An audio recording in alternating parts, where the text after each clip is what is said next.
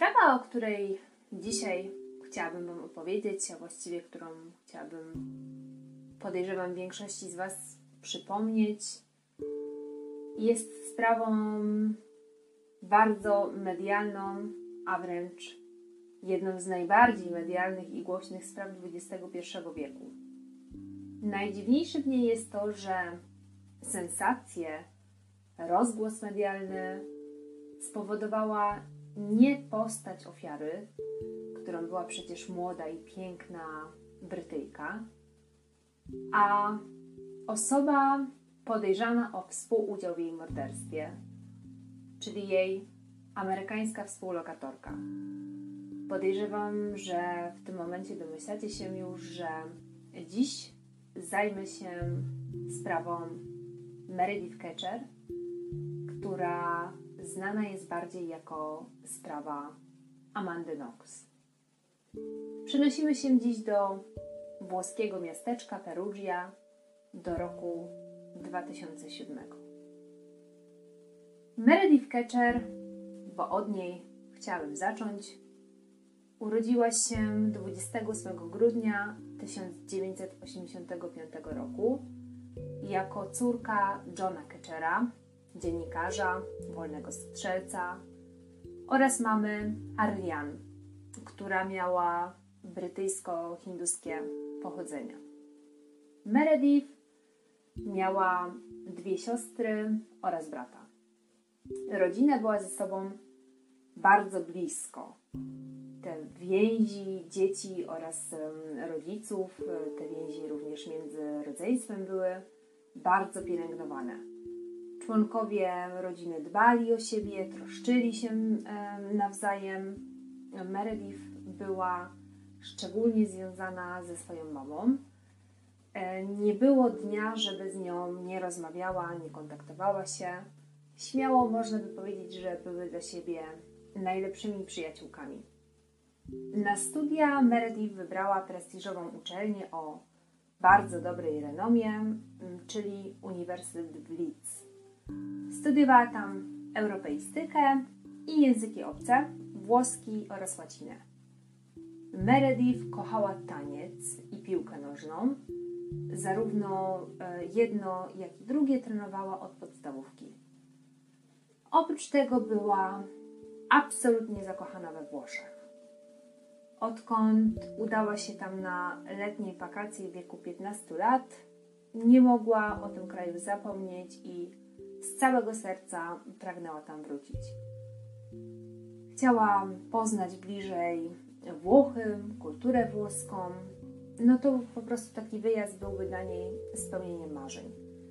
Więc kiedy tylko nadarzyła się taka okazja, w tym wypadku był to program Erasmus, którym zajmuje się wymianą studencką, Meredith z tej okazji skorzystała. Na miejsce swojego rocznego pobytu wybrała piękne miasteczko Perugia w Umbrii. Zdecydowała się na nie z kilku powodów.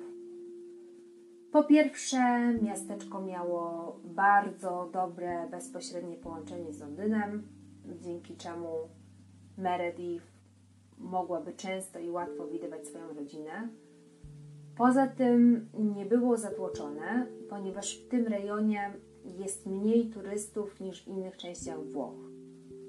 Oprócz tego mm, to, to miejsce, to miasto ma świetny uniwersytet dla zagranicznych studentów. Meredith była przeszczęśliwa i nie mogła się doczekać nadchodzącego roku. Kiedy nadszedł wrzesień 2007 roku, Meredith spakowała walizkę, pożegnała rodzinę, no i wyruszyła w swoją podróż życia. Na miejscu dziewczyna wynajęła piękny dom na skraju doliny. Nie zamieszkała w nim jednak sama. Oprócz niej w lokalu zamieszkały dwie Włoszki, Filomena Romanelli i Laura Mezzetti oraz amerykańska studentka, również korzystająca z tego programu Erasmus, Amanda Knox. Pokój Meredith znajdował się na końcu domu. i rozpościerał się z niego widok bezpośrednio na dolinę. Dziewczyna często podkreślała w rozmowie z rodziną, że jest tym absolutnie zachwycona. Zresztą bez trudu można to sobie chyba wyobrazić. No. Rok w pięknym, wręcz bajkowo ulokowanym włoskim domu, w otoczeniu włoskich zabytków i włoskiej kultury. No, marzenie podejrzewam niejednej młodej osoby. W domu tym znajdowały się dwie łazienki. Jedna była do dyspozycji Włoszek, druga, e, mniejsza, z niej korzystały Amanda i Meredith. Oprócz tego znajdował się tam wspólny salon i kuchnia. Na dole była taka e, przerobiona na, u, na użytek mieszkalny piwnica i w tej piwnicy mieszkało dwóch włoskich studentów. Mieli oni jednak osobne wejście i dość rzadko widywali czy mijali dziewczyny z górnej części domu. Oczywiście zdarzało się, że, że jedli wspólny posiłek albo mm, spędzali ze sobą wieczór, no jednak nie było to codziennie. 28 września Meredith poleciała z powrotem do Londynu, ale właściwie tylko po to, żeby zabrać e, stamtąd cieplejsze ubrania, ponieważ lato już dobiegało końca i nawet we Włoszech robiło się dużo, dużo chłodniej. No i oczywiście chciała się w tym czasie również zobaczyć z rodziną. Wtedy też opowiadała swojej mamie co nieco na temat tego swojego świeżo rozpoczętego życia we Włoszech, w tym również o swojej nowej koleżance, współlokatorce Amandzie. Określiła ich stosunki jako koleżeńskie, a samą Amandę jako taką bardzo wesołą i, i ciągle uśmiechniętą, żartującą osobę. No i teraz możemy przejść do Amandy. Jeśli chodzi o Amandę, historia była poniekąd podobna. Amanda marzyła o poznaniu włoskiej kultury, chciała nauczyć się włoskiego języka i tak od podszewki poznać Włochów. No więc nie zastanawiała się ani przez chwilę, kiedy okazało się, że może skorzystać z programu Erasmus i wybrać się właśnie do tego kraju. Amanda pochodziła ze Seattle w Stanach jej mama była z pochodzenia Niemką i w Niemczech Amanda miała sporą rodzinę, dlatego wybrała się do Europy już w połowie sierpnia, aby tą rodzinę właśnie e, w tych Niemczech odwiedzić. W Stanach e, miała jeszcze Mm, trzy siostry oraz tatę, więc ta rodzina była taka spora. Rodzice byli ze sobą rozwiedzeni, ale utrzymywali e, cały czas dobre relacje i stosunki, zresztą mieszkali bardzo blisko siebie. Do Perugii przyjechała na początku września. Amanda była osobą bardzo energiczną i zaradną. Szybko też sobie znalazła pracę w barze, którego właścicielem był pochodzący z Konga Patrick. Amanda, co warto podkreślić, była bardzo ładna, dzięki czemu przyciągała do baru sporo klientów. Sama zresztą później, w, między innymi w wywiadzie dla Netflixa, opisywała to jako takie lekkie zaskoczenie. Było to dla niej e, no, no taki lekki szok, ponieważ w Stanach uchodziła raczej za ładną, a, a wręcz można by powiedzieć, że przeciętną. No powiedzmy jedną z wielu. Natomiast we Włoszech e, mówiło się o niej perpiękna, olśniewająca Amerykanka. Trochę to ją e, onieśmielało i zdecydowanie musiała się do tej, powiedzmy, nowej roli przyzwyczaić.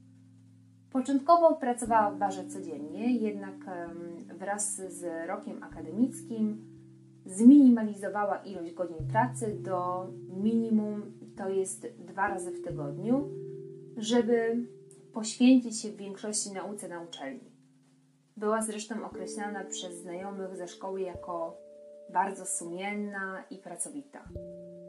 Na zajęcia nigdy się nie spóźniała, zawsze była przygotowana, uczyła się chętnie i z takim sporym zaangażowaniem. Pewnego październikowego popołudnia Amanda wybrała się e, z Meredith do opery na koncert muzyki klasycznej, gdzie wpadł jej w oko młody Włoch o imieniu Rafaele. Rafaele był również studentem, tyle że informatyki, zresztą bardzo nieśmiałym, który był absolutnie oczarowany Amandą i przeszczęśliwy, że zwróciła na niego uwagę. Bardzo szybko ich znajomość przerodziła się w płomienny romans. Widywali się praktycznie w każdej wolnej chwili, przed zajęciami, w przerwach, po zajęciach. Rafael obdarowywał Amandę prezentami, na które zresztą było go stać, bo pochodził z takiej dobrze usytuowanej rodziny. Pokazywał jej miasto, uczył ją włoskiego, wieczorami przesiadywali u w mieszkaniu. Byli tak prawdziwie zakochani w ten sposób, w który potrafi zakochać się młody człowiek, bez pamięci, bez ograniczeń. Amanda opisywała znajomość z Rafaelem siostrze jako swoją pierwszą prawdziwą miłość. Rafael zresztą o związku z Amandą wypowiadał się w podobnym tonie. Przenieśmy się teraz do dnia 1 listopada 2007 roku. Około godziny 22 sąsiadka Amandy i Meredith dostaje anonimowy telefon informujący ją o tym, że w jej mieszkaniu znajduje się bomba. Sąsiadka zawiadamia policję, która przyjeżdża na miejsce i przeszukuje lokal, jednak nie znajdują nic podejrzanego. Policjanci proszą jednak kobietę, żeby następnego dnia rano zgłosiła się na komisariat i złożyła w tej sprawie takie pełne zawiadomienie. Na drugi dzień syn tejże sąsiadki przed udaniem się na posterunek policji w ich ogrodzie znajduje telefon komórkowy. Ponieważ kobieta zdaje sobie sprawę, że może on należeć albo do tego dowcipnisia z dnia poprzedniego, albo do któregoś z policjantów, postanawia zabrać tę komórkę ze sobą na, na policję. Tam też okazuje się, że telefon zarejestrowany jest na jedną e, ze współlokatorek Meredith i Amandy, a dokładniej Filomeny Romanelli. Tego samego dnia, nieco później, ich córka, czyli córka tych um, sąsiadów, słyszy w ogrodzie dzwonek kolejnego telefonu, a na wyświetlaczu pojawia się imię Amanda. Telefon również zostaje oddany policjantom. Tym razem policja ma problem z rozszyfrowaniem właściciela tego telefonu. Uznaje więc, że najprawdopodobniej jest on zarejestrowany na obcokrajowca. Jakiś czas później e, policja udaje się pod adres Filomeny, aby te telefony oddać. Okaże się później zresztą, że obydwa należały do Meredith Catcher. Jeden był z włoskim numerem, ten właśnie zarejestrowany na współlokatorkę, oraz drugi angielski służący do kontaktu z rodziną i znajomymi w Wielkiej Brytanii. Policja, próbując oddać te zagubione telefony, pod drzwiami spotyka dwójkę studentów, mianowicie Amandę oraz jej chłopaka Rafaela. Okazuje się, że wezwali oni policję zupełnie niezależnie od tej sytuacji z telefonami kilka chwil wcześniej, ponieważ niepokoił ich taki, no powiedzmy, rozgardiasz bałagan, otwarte drzwi frontowe, um, które Amanda zastała tego ranka, oraz to, że jej współlokatorka nie odpowiada na pukanie do drzwi, które zresztą są zamknięte od środka. Amanda opowiada policjantom, że dzień wcześniej dostała SMS-a z pracy tego swojego szefa Patryka, informujący ją, że tego dnia nie musi przychodzić do baru, w związku z czym postanowiła spędzić noc u swojego chłopaka. Dziś rano natomiast wróciła do domu. No i właśnie te drzwi otwarte na rozścież, ten taki rozgardiaż um, i dodatkowo um, zaniepokoiło ją również rozbite okno w jednym z pomieszczeń. No i to, że ta koleżanka nie reaguje na wołanie. E, w związku z tym policjanci, słysząc to wszystko, decydują się wejść do środka i przekonują się, że rzeczywiście Meredith jest zamknięta i że nie reaguje na, e, na żadne wołania, więc decydują się sforsować drzwi. E, drzwi udaje się wyważyć i w tym momencie ich oczom okazuje się przerażająca sceneria.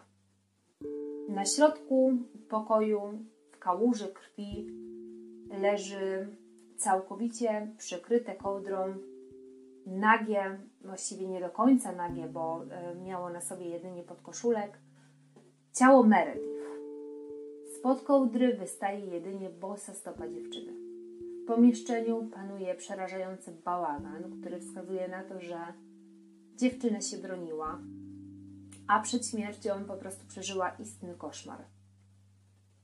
Na miejsce od razu zostaje wezwana ekipa techników oraz e, Wydział Kryminalny, którzy muszą sforsować jeszcze drugie drzwi do pokoju Meredith, czyli te wychodzące na zewnątrz, już na dolinę bezpośrednio. Tym samym okazuje się, że rozbite okno nie należało do pokoju Meredith, a e, do Filomeny w e, pokoju obok, która zresztą w międzyczasie pojawiła się na miejscu zbrodni. Wiadomość o tym makabrycznym odkryciu bardzo szybko przedostaje się do prasy, która pojawia się na miejscu no, w kilkadziesiąt minut. Uwagę mediów już w tym momencie przykuwa nie tylko ta potworna wiadomość o śmierci brytyjskiej studentki oraz jej ciało wynoszone w worku, ale zachowanie jej amerykańskiej współlokatorki Amandy, która nie dość, że nie wygląda na specjalnie przejętą, to um, jeszcze no, się i całuje przed domem ze swoim e, włoskim chłopakiem. Robią do siebie przy tym jakieś e, miny, uśmiechają się. Mm, no, e, tak zachowują się kompletnie nieadekwatnie do sytuacji, którą zastali no, nie jest to, jakby patrzeć, e, takie typowe zachowanie kobiety, która dowiaduje się, że właśnie brutalnie zamordowano i najprawdopodobniej zgwałcono jej współlokatorkę. Amanda i Rafaele zachowują się po prostu jak para na randce, nie robiąc sobie nic ze zdjęć i filmów kręconych przez reporterów w tym samym czasie.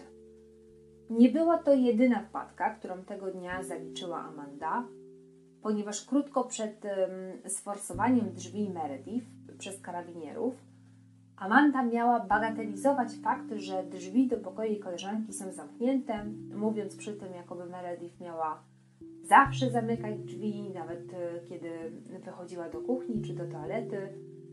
Tym zeznaniem jednak zaprzeczyły zarówno Filomena, jak i Laura, Zresztą sama Amanda kilka dni później, opisując ten dzień znajomym ze Stanów w mailu, również sama sobie zaprzeczy, mówiąc, że było to jednak coś niezwykłego, że te drzwi były zamknięte.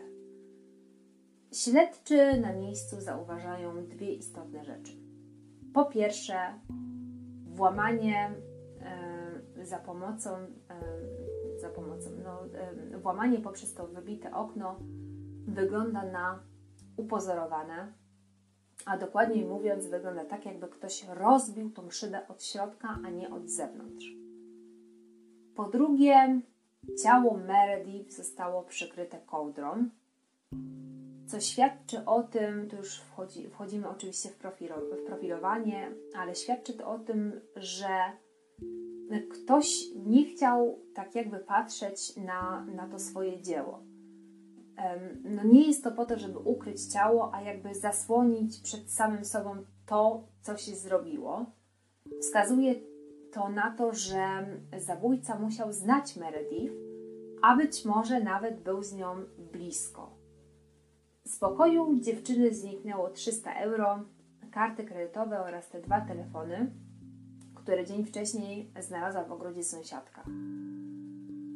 Później po wynikach sekcji zwłok okaże się, że Meredith zadano około 47 ciosów nożem, a zmarła z powodu ostrej niewydolności krążeniowo-oddechowej, spowodowanej nadmierną utratą krwi, ale także uduszeniem. No co to oznacza? Oznaczało to, że prawdopodobnie została złapana za szyję w taki sposób, że zasłoniono jej usta i nos, a następnie sprawca mm, zadawał jej te, jej te e, ciosy nożem. Dodatkowo dziewczyna przed śmiercią odbyła stosunek seksualny najprawdopodobniej nie ze swojej woli, czyli krótko mówiąc, została zgwałcona, o czym z kolei świadczyły e, rany i siniaki w miejscach intymnych. No, po prostu makabryczna zbrodnia na, na młodej dziewczynie. Rodzina Meredith zostaje natychmiast powiadomiona o tym tragicznym odkryciu. Wszyscy są absolutnie zdewastowani tą wiadomością. Przybywają do Perugii jeszcze tego samego dnia. Na miejscu pojawia się również prasa angielska, ponieważ to właśnie brytyjska studentka padła ofiarą tej zbrodni. E, no, tym samym sprawa zyskuje rozgłos międzynarodowy właściwie od, od początku. Detektyw prowadzący sprawę no, nie jest przychylny wobec pary studentów, właściwie od początku, głównie z powodu tego specyficznego, wręcz obojętnego zachowania młodych, w szczególności zachowania Amandy, które wydaje się być no, wręcz infantylne. Nabiera wobec nich podejrzeń. E, między innymi dlatego postanawia przysłuchać ich jako pierwszych. Na posterunku w tym samym czasie przesłuchiwane są koleżanki Meredith z Wielkiej Brytanii, które rzucają nieco inne światło na relacje, które łączyły obie dziewczyny. Policjanci dowiadują się wtedy, że Meredith nie do końca przepadała ze swoją amerykańską współlokatorką.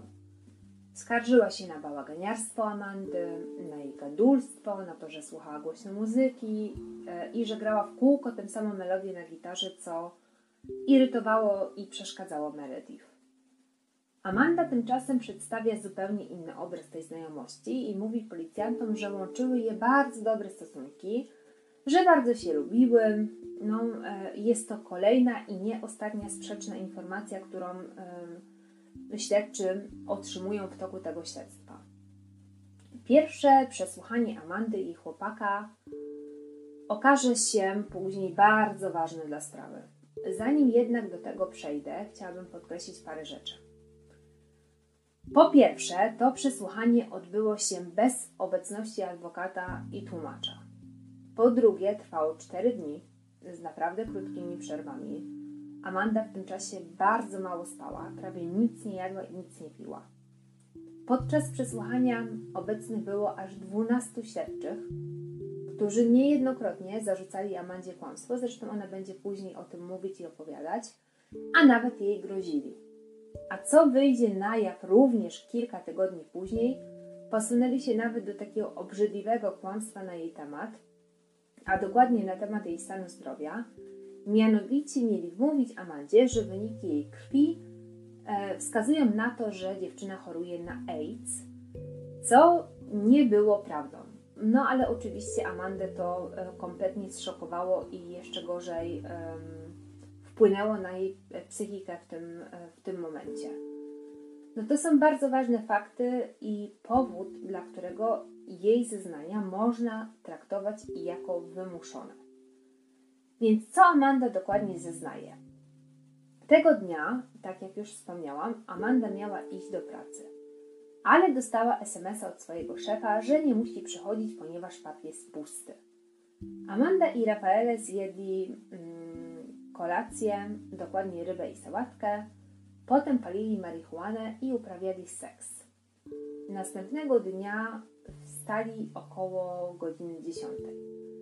Na ten dzień Rafaele zaplanował dla nich wycieczkę. Amanda chciała się więc udać do domu, przebrać i odświeżyć. Potrzebowali również mopa, według zeznań dziewczyny, ponieważ poprzedniego dnia pękła rura u Rafaela w pokoju, e, przepraszam, nie w pokoju, e, w, w kuchni. No, chłopak tego mopa według zeznań Amandy nie posiadał, więc nie mieli czym tej wody całej zebrać. Wróciła do domu około godziny 11 i co ją bardzo zdziwiło, drzwi wejściowe były otwarte na rozścież. Drzwi do pokoju Melody były z kolei zamknięte od środka. Pomyślała więc, że koleżanka śpi. Następnie Amanda udała się do łazienki i zauważyła tam niewielkie plamy krwi na umywalce. W pierwszej chwili była przekonana, że krew kapie jej z dziurek w uszach, które niedawno sobie przekuła. No ale te plamki były zaschnięte. Następnie dojrzała krew na dywaniku łazienkowym, którą z kolei tak wytłumaczyła sobie, że jest to prawdopodobnie krew menstruacyjna którejś z dziewcząt, która po prostu no, albo nie zauważyła, albo nie zdążyła, czy zapomniała po sobie posprzątać. Dłużej się nad tym nie zastanawiając, poszła się ubrać do swojego pokoju. Następnie udała się do drugiej łazienki, gdzie w toalecie zauważyła niespuszczony kał. I to według zeznań zszokowało ją najbardziej. Zresztą powie o tym również w tym e, filmie dokumentalnym na Netflixie, że e, to ją wręcz wyprowadziło z równowagi, ponieważ łazienka ta należała do Laury i Filomeny, a dziewczyny bardzo dbały o czystość. Ich łazienka była wręcz sterylna. Było więc to bardzo, ale to bardzo dziwne. Amanda wróciła e, po tym wszystkim do Rafaele i opowiedziała mu, co została w domu. Zadzwoniła również do Filomeny, która poradziła jej, żeby wróciła tam z powrotem. Jeszcze raz spróbowała e, skontaktować się z Meredith, a jeżeli mm, to nie odniesie żadnego skutku, no to żeby zadzwoniła wtedy właśnie na policję. No, Amanda tak e, właśnie robi. Razem z Rafaelem wrócili do domu i zaczęli się po nim rozglądać. Najpierw weszli do pokoju Filomeny, w którym znaleźli rozbitą szybę. Ale poza tym wszystko zdawało się być na swoim miejscu. komputer, tak, e, i, takie e, różne cenne rzeczy, które, no, które tam dalej się znajdowały w tym pokoju, więc jakby nie zauważyli nic niepokojącego. Następnie zaczęli sprawdzać pozostałe pomieszczenia, w których również nie znaleźli nic dziwnego. Natomiast pokój Meredith nadal był zamknięty, a dziewczyna nie odpowiadała. Wtedy zdecydowali się zadzwonić na komisariat i ta wersja e, powtarzana jest przez nich parokrotnie. E, natomiast ostatniego dnia przesłuchań nad ranem Amanda przechodzi coś na podobę załamania. Prosi wtedy o kartkę papieru A4, a następnie pisze takie wyznanie. No, pierwsze zdanie jest moim zdaniem e, takie no, najbardziej znamienne w tym wszystkim, a brzmi ono tak. W mojej głowie są rzeczy, które pamiętam i te, które są zamglone. A następnie Amanda opisuje wydarzenia, które, tak jak napisała, pojawiają się w jej głowie. Mianowicie w tej swojej całej wizji widzi swojego szefa Patryka, który pojawia się w okolicach najpierw boiska do, do gry w koszykówkę, następnie widzi go, jak on wchodzi do jej domu i udaje się do pokoju Meredith. Potem widzi siebie skuloną w kuchni na podłodze, tak zasłaniającą uszy, żeby nie słyszeć krzyków Meredith. No, Amanda dodała również, że nie wie, co jest prawdą, no i że w tym wszystkim jest sama zagubiona. Po raz pierwszy e, w życiu zdarzyło jej się coś takiego, że miesza jej się jakby sen z, z życiem rzeczywistym, z jej wspomnieniami. E, no i jej zeznania oczywiście są naprawdę mało spójne i takie chaotyczne. Podkreśla jednak ze stuprocentową pewnością, że na pewno nie zabiła Meredith.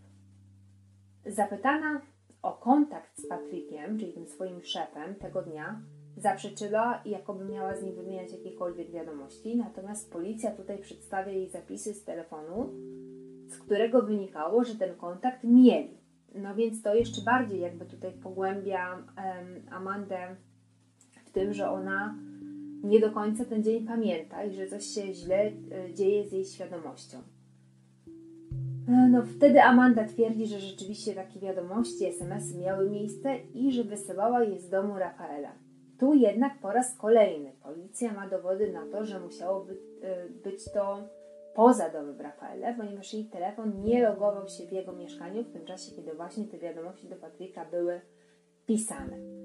No tych sprzeczności w jej zeznaniach jest naprawdę bardzo dużo. Potem Amanda wytłumaczy jej jako właśnie to załamanie nerwowe, Do tego oczywiście brak tłumacza, stres, taka presja ze strony policji. Dodatkowo, no, prawdopodobnie była w tamtym czasie również i w szoku. Tak czy inaczej, policja po tych takich um, niespójnych wyznaniach Amandy decyduje się na aresztowanie jej e, szefa Patryka. Kiedy jednak okaże się, że Patryk ma na ten wieczór bardzo silne alibi i zdecydowanie nie mógł zabić Meredith, śledczy jeszcze bardziej utwierdzają się w podejrzeniach wobec Amandy. Tym razem jest to spowodowane tą, według śledczych, próbą odwrócenia śledztwa i zwalenia winy na e, swojego szefa. No, śledczy podważą jeszcze kilka innych faktów z tych zeznań Amandy. Oprócz logowania telefonu poza mieszkaniem Rafaele, o którym e, już wspomniałam, policja dojdzie również do zeznań pewnego świadka bezdomnego, który twierdził, że widział Amandę i Rafaela około godziny 21.30 na boisku do koszykówki. Co oczywiście jakby jest sprzeczne z tym, co Amanda zeznała, że e, o godzinie 23 dopiero jedli kolację. Podczas pierwszej rozprawy e, sąd zresztą zaznaczy kilka innych nieścisłości fakt, że Amanda i Rafaele mieli udać się na wycieczkę. Oczywiście ja tutaj teraz e, jakby przytaczam te wątpliwości z sądu. E, więc mieli udać się na tą wycieczkę, a jednak wstali bardzo późno, bo o 10 i nie byli w żaden sposób na tą e, wycieczkę gotowi. Do tego Amanda zeznała, że dzień wcześniej u Rafaele wzięła prysznic i umyła włosy, więc dla sądu było również to sprzeczne z tym zeznaniem Amandy, że kolejnego dnia wróciła do domu o tej godzinie 10 po to, żeby wziąć jakby kolejny ten prysznic. Do tego Amanda zeznała, że poszła do domu po mopa. Choć tu z kolei świadkowie zeznają, że Rafael w domu mopa miał, więc jakby znowu tutaj jest niespójność. A w końcu zeznanie Amandy, w którym twierdzi, że kolację zjedli około 23. No i tutaj pojawia się właśnie to zeznanie tego świadka, tego bezdomnego, który widział ich o 21.30 na boisku. No i jest także tutaj e, zeznanie taty Rafaela, który rozmawiał ze swoim synem około 21.00 ten powiedział mu wtedy, że są już po kolacji i że właśnie po tej kolacji zmywa. Wszystkie te drobnostki sprawiają, że Amanda będzie wyglądała bardzo niewiarygodnie w oczach sądu. No i, i te jej zeznania po prostu y, są odbierane jako taki zbiór kłamstw. Po zbadaniu odcisków i śladów krwi w domu Amandy, śledczy oprócz zatrzymanej e, trójki, czyli Patryka, Amandy i Rafaela, muszą skierować swoją uwagę na kolejną osobę, mianowicie Rudiego Hermana Grede, pochodzącego z wybrzeża Kości Słoniowej, ponieważ znaleziono na miejscu jego ślady DNA, a dokładniej w, w wymazie z pochwy Meredith, na jej torebce, zapięciu biustonosza, papierze toaletowym w tej dużej łazience, w tej, gdzie znaleziono um, ten kał um, oraz znaleziono jego ślady buta. E, Rudy znał się dość dobrze z chłopakami, którzy wynajmowali mieszkanie w piwnicy. Grywał z nimi w koszykówkę, wspólnie oglądali telewizję, czasem zdarzyło mu się u nich zasnąć. Wcześniej zdawał się być zainteresowany Amandą, znaczy on wcześniej rozpytywał o Amandę, czy jest wolna. No, po prostu Amanda mu się podobała. E, Rudy został zatrzymany właściwie przy próbie ucieczki do Niemiec, dokładnie w pociągu, w którym zresztą jechał bez ważnego biletu. Policjanci przed jego zatrzymaniem przeprowadzili coś w rodzaju prowokacji. Mianowicie na posterunek przyprowadzili jego kolegę, który podczas długiej rozmowy na Skype'ie wyciągnął od, Rudiego, od Rudiego zeznania. No, takie zwierzenia w sprawie e, zajść z tego 1 listopada. Rudy opowiedział wersję, w której to miał poznać Meredith na imprezie halloweenowej. Następnie mieli udać się wspólnie do jej domu, gdzie uprawiali seks. Kiedy Rudy, tak jak zeznaje, udał się do toalety, usłyszał jej krzyk i jakieś inne osoby przebywające w domu. Wtedy zorientował się, że Meredith została zaatakowana. No, próbował jej pomóc, ale było już za późno, ponieważ jakby bał się, że zostanie obciążony winą za jej śmierć, po prostu spanikował i uciekł. Tak właśnie taką wersję przedstawia e, swojemu koledze. Na miejscu zbrodni zabezpieczono bardzo dużo śladów, które potem posłużyły w pierwszym procesie. Jako poszlaki przeciwko Amandzie Rafaelowi i właśnie Rudiemu. Między innymi znaleziono w pokoju Meredith czarną lampkę z pokoju Amandy, to znaczy lampkę, która należała do Amandy i Amanda w żaden sposób nie potrafiła wyjaśnić, skąd wzięła się u Meredith w pokoju. Znaleziono nóż, który należał do Rafaela. Na rączce tego noża odnaleziono DNA Amandy, a na czubku e, ostrza tego noża znaleziono DNA Meredith. Co istotne, Meredith nigdy nie była u Rafaela w domu, więc również tego Amanda nie umiała wyjaśnić. Kolejny dowód w pierwszym procesie to zapięcie stanika Meredith. Zresztą tak jakby to zapięcie było urwane z tego stanika i leżało osobno.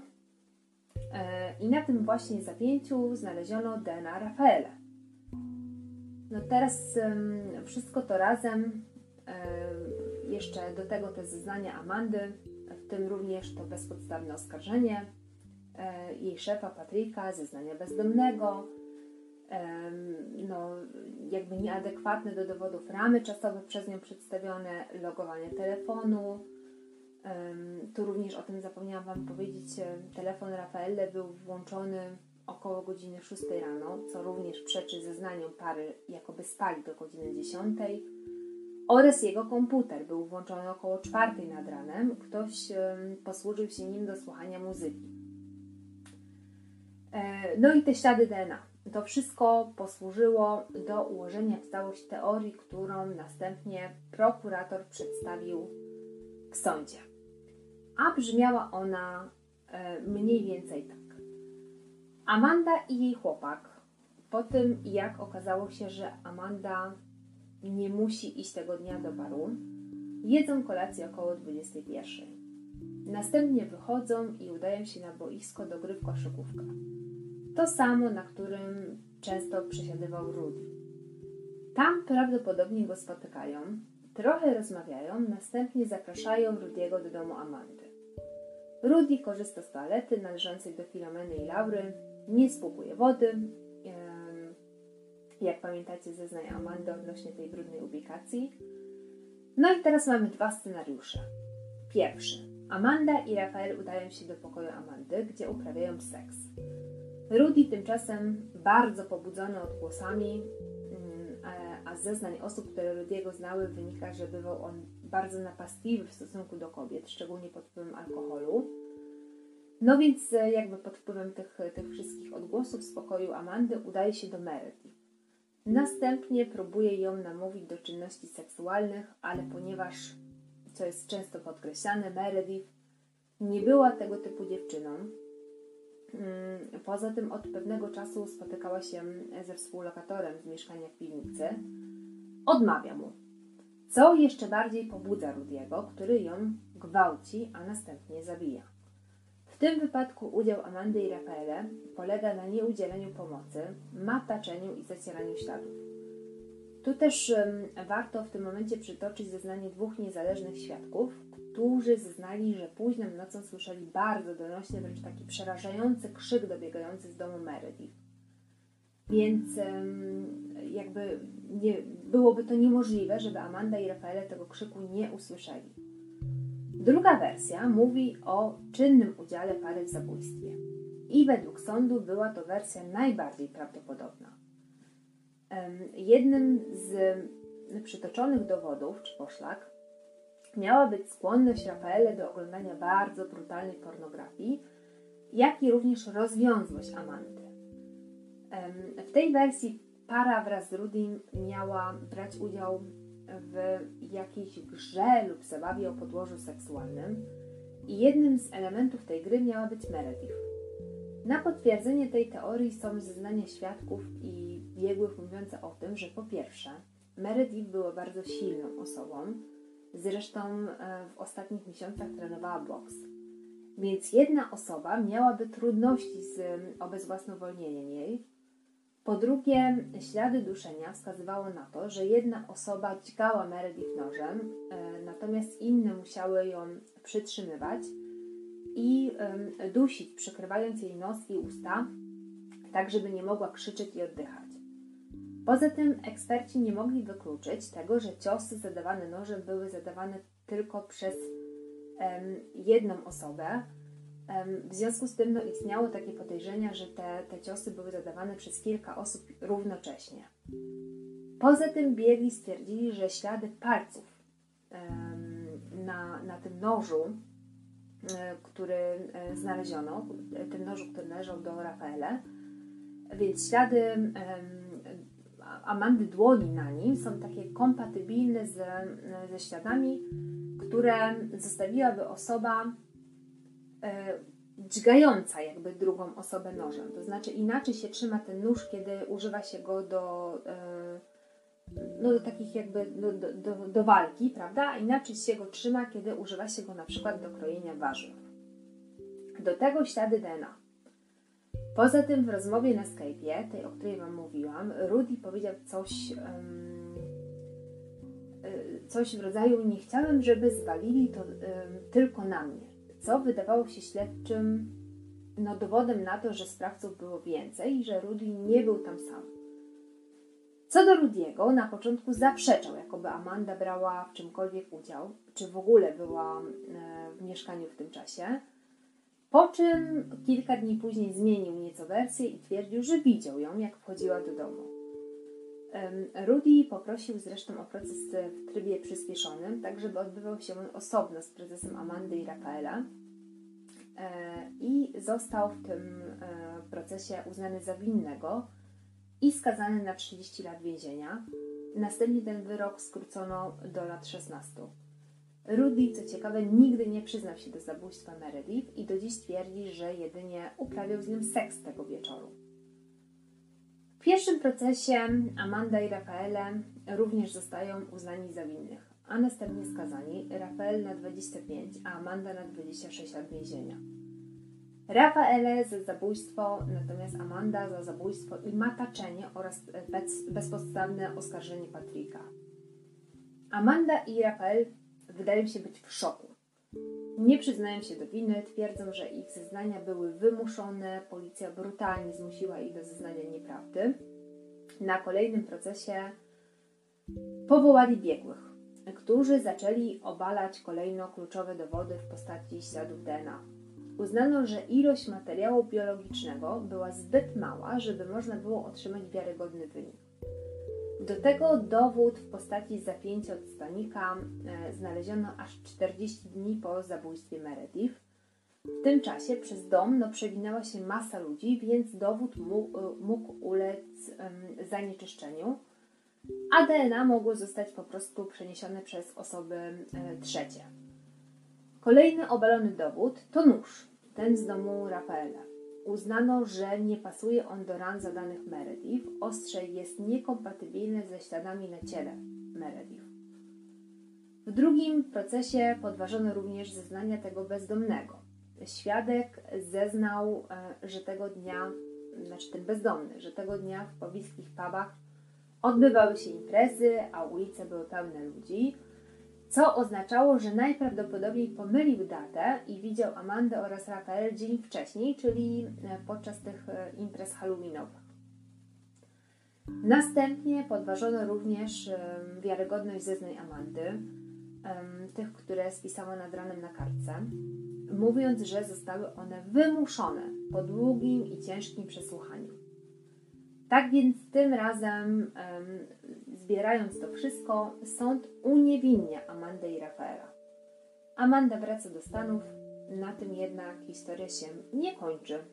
W roku 2014 odbywa się kolejna rozprawa, bez udziału Rafaela i Amandy, ponieważ Amanda w tym czasie jest już w Stanach i nie zamierza wrócić do Włoch. E, na tej też rozprawie wszystkie poprzednie dowody, które zostały uznane sąd, przez sąd za nieważne, zostały po raz kolejny uznane na niekorzyść Amandy i Rafaela. Mm, dostają oni e, kolejne wyroki. Amanda 28,5 roku więzienia, e, natomiast Rafael 26 lat więzienia. No i to wszystko po to, żeby Rok później, bo w roku 2015, sąd kasacyjny we Włoszech ostatecznie ich uniewinnił. Więc no, sprawa naprawdę um, pokręcona niesamowicie. E, dziś Amanda mieszka w Stanach Zjednoczonych. Jest mężatką, współprowadzi podcast i program o tematyce kryminalnej, True Crime. Rafael mieszka we Włoszech i prowadzi normalne życie co do Rudiego, przebywa on w więzieniu, natomiast um, jest to więzienie, w którym Rudy korzysta z programu dla więźniów o takiej dobrej opinii i dobrym sprawowaniu. W związku z tym to więzienie może opuszczać co jakiś czas. Czy ta sprawa została rozwiązana? Nie wiem. Masa ludzi, szczególnie w Stanach Zjednoczonych, uznaje Amandę i Rafael za kolejną ofiarę tej tragicznej nocy i wierzy w ich niewinność. Inni uważają, że para jest winna i są zawiedzeni, że nie ponieśli um, konsekwencji swoich czynów. Dla mnie ta sprawa jest przede wszystkim bardzo zagmatwana. I powiem Wam całkowicie szczerze, że kiedy podejmowałam decyzję co do tego, że, że oni właśnie chce zrobić kolejny odcinek, byłam przekonana, że będzie to dla mnie proste, ponieważ znałam ją praktycznie od, od początku. Od początku tę sprawę śledziłam, zwłaszcza, że w 2007 roku mieszkałam w Wielkiej Brytanii i no, Amanda nie schodziła wtedy z pierwszych stron gazet. Natomiast kiedy zaczęłam już w tej sprawie szperać i przeglądać artykuły, dowody, filmy, okazało się, że, że naprawdę jest tyle zawiłości i tyle znaków zapytania, że, że ciężko jest z tego wszystkiego wyodrębnić to, co jest prawdą, a to, co e, jest tylko jakąś taką medialną nagonką wobec Amandy. Jestem naprawdę, naprawdę ciekawa, e, co Wy sądzicie o tym, o tym wszystkim. Czy uważacie, że Amanda jest winna? Czy uważacie, że Amanda jest niewinna? Czy uważacie, że Rudy był jedynym e, sprawcą tej zbrodni? Czy w ogóle, czy Rudy był sprawcą tej zbrodni? Bo to, że zgwałcił Meredith, oczywiście e, wiemy, to jest niepodważalne, natomiast on dalej nie przyznaje się do zabójstwa Meredith. No i na koniec, czy uważacie Amandę za za ofiarę, czy uważacie ją za potwora, na którego wykreowały ją brytyjskie i włoskie e, media. E, tymczasem dziękuję Wam bardzo za wysłuchanie. Jeżeli jeszcze nie, nie, nie obserwujecie, nie subskrybujecie mojego kanału na YouTubie, to bardzo serdecznie Was zachęcam, żeby to zrobić. Link do kanału podaję w opisie tego odcinka. No, pozdrawiam i, i do usłyszenia wkrótce.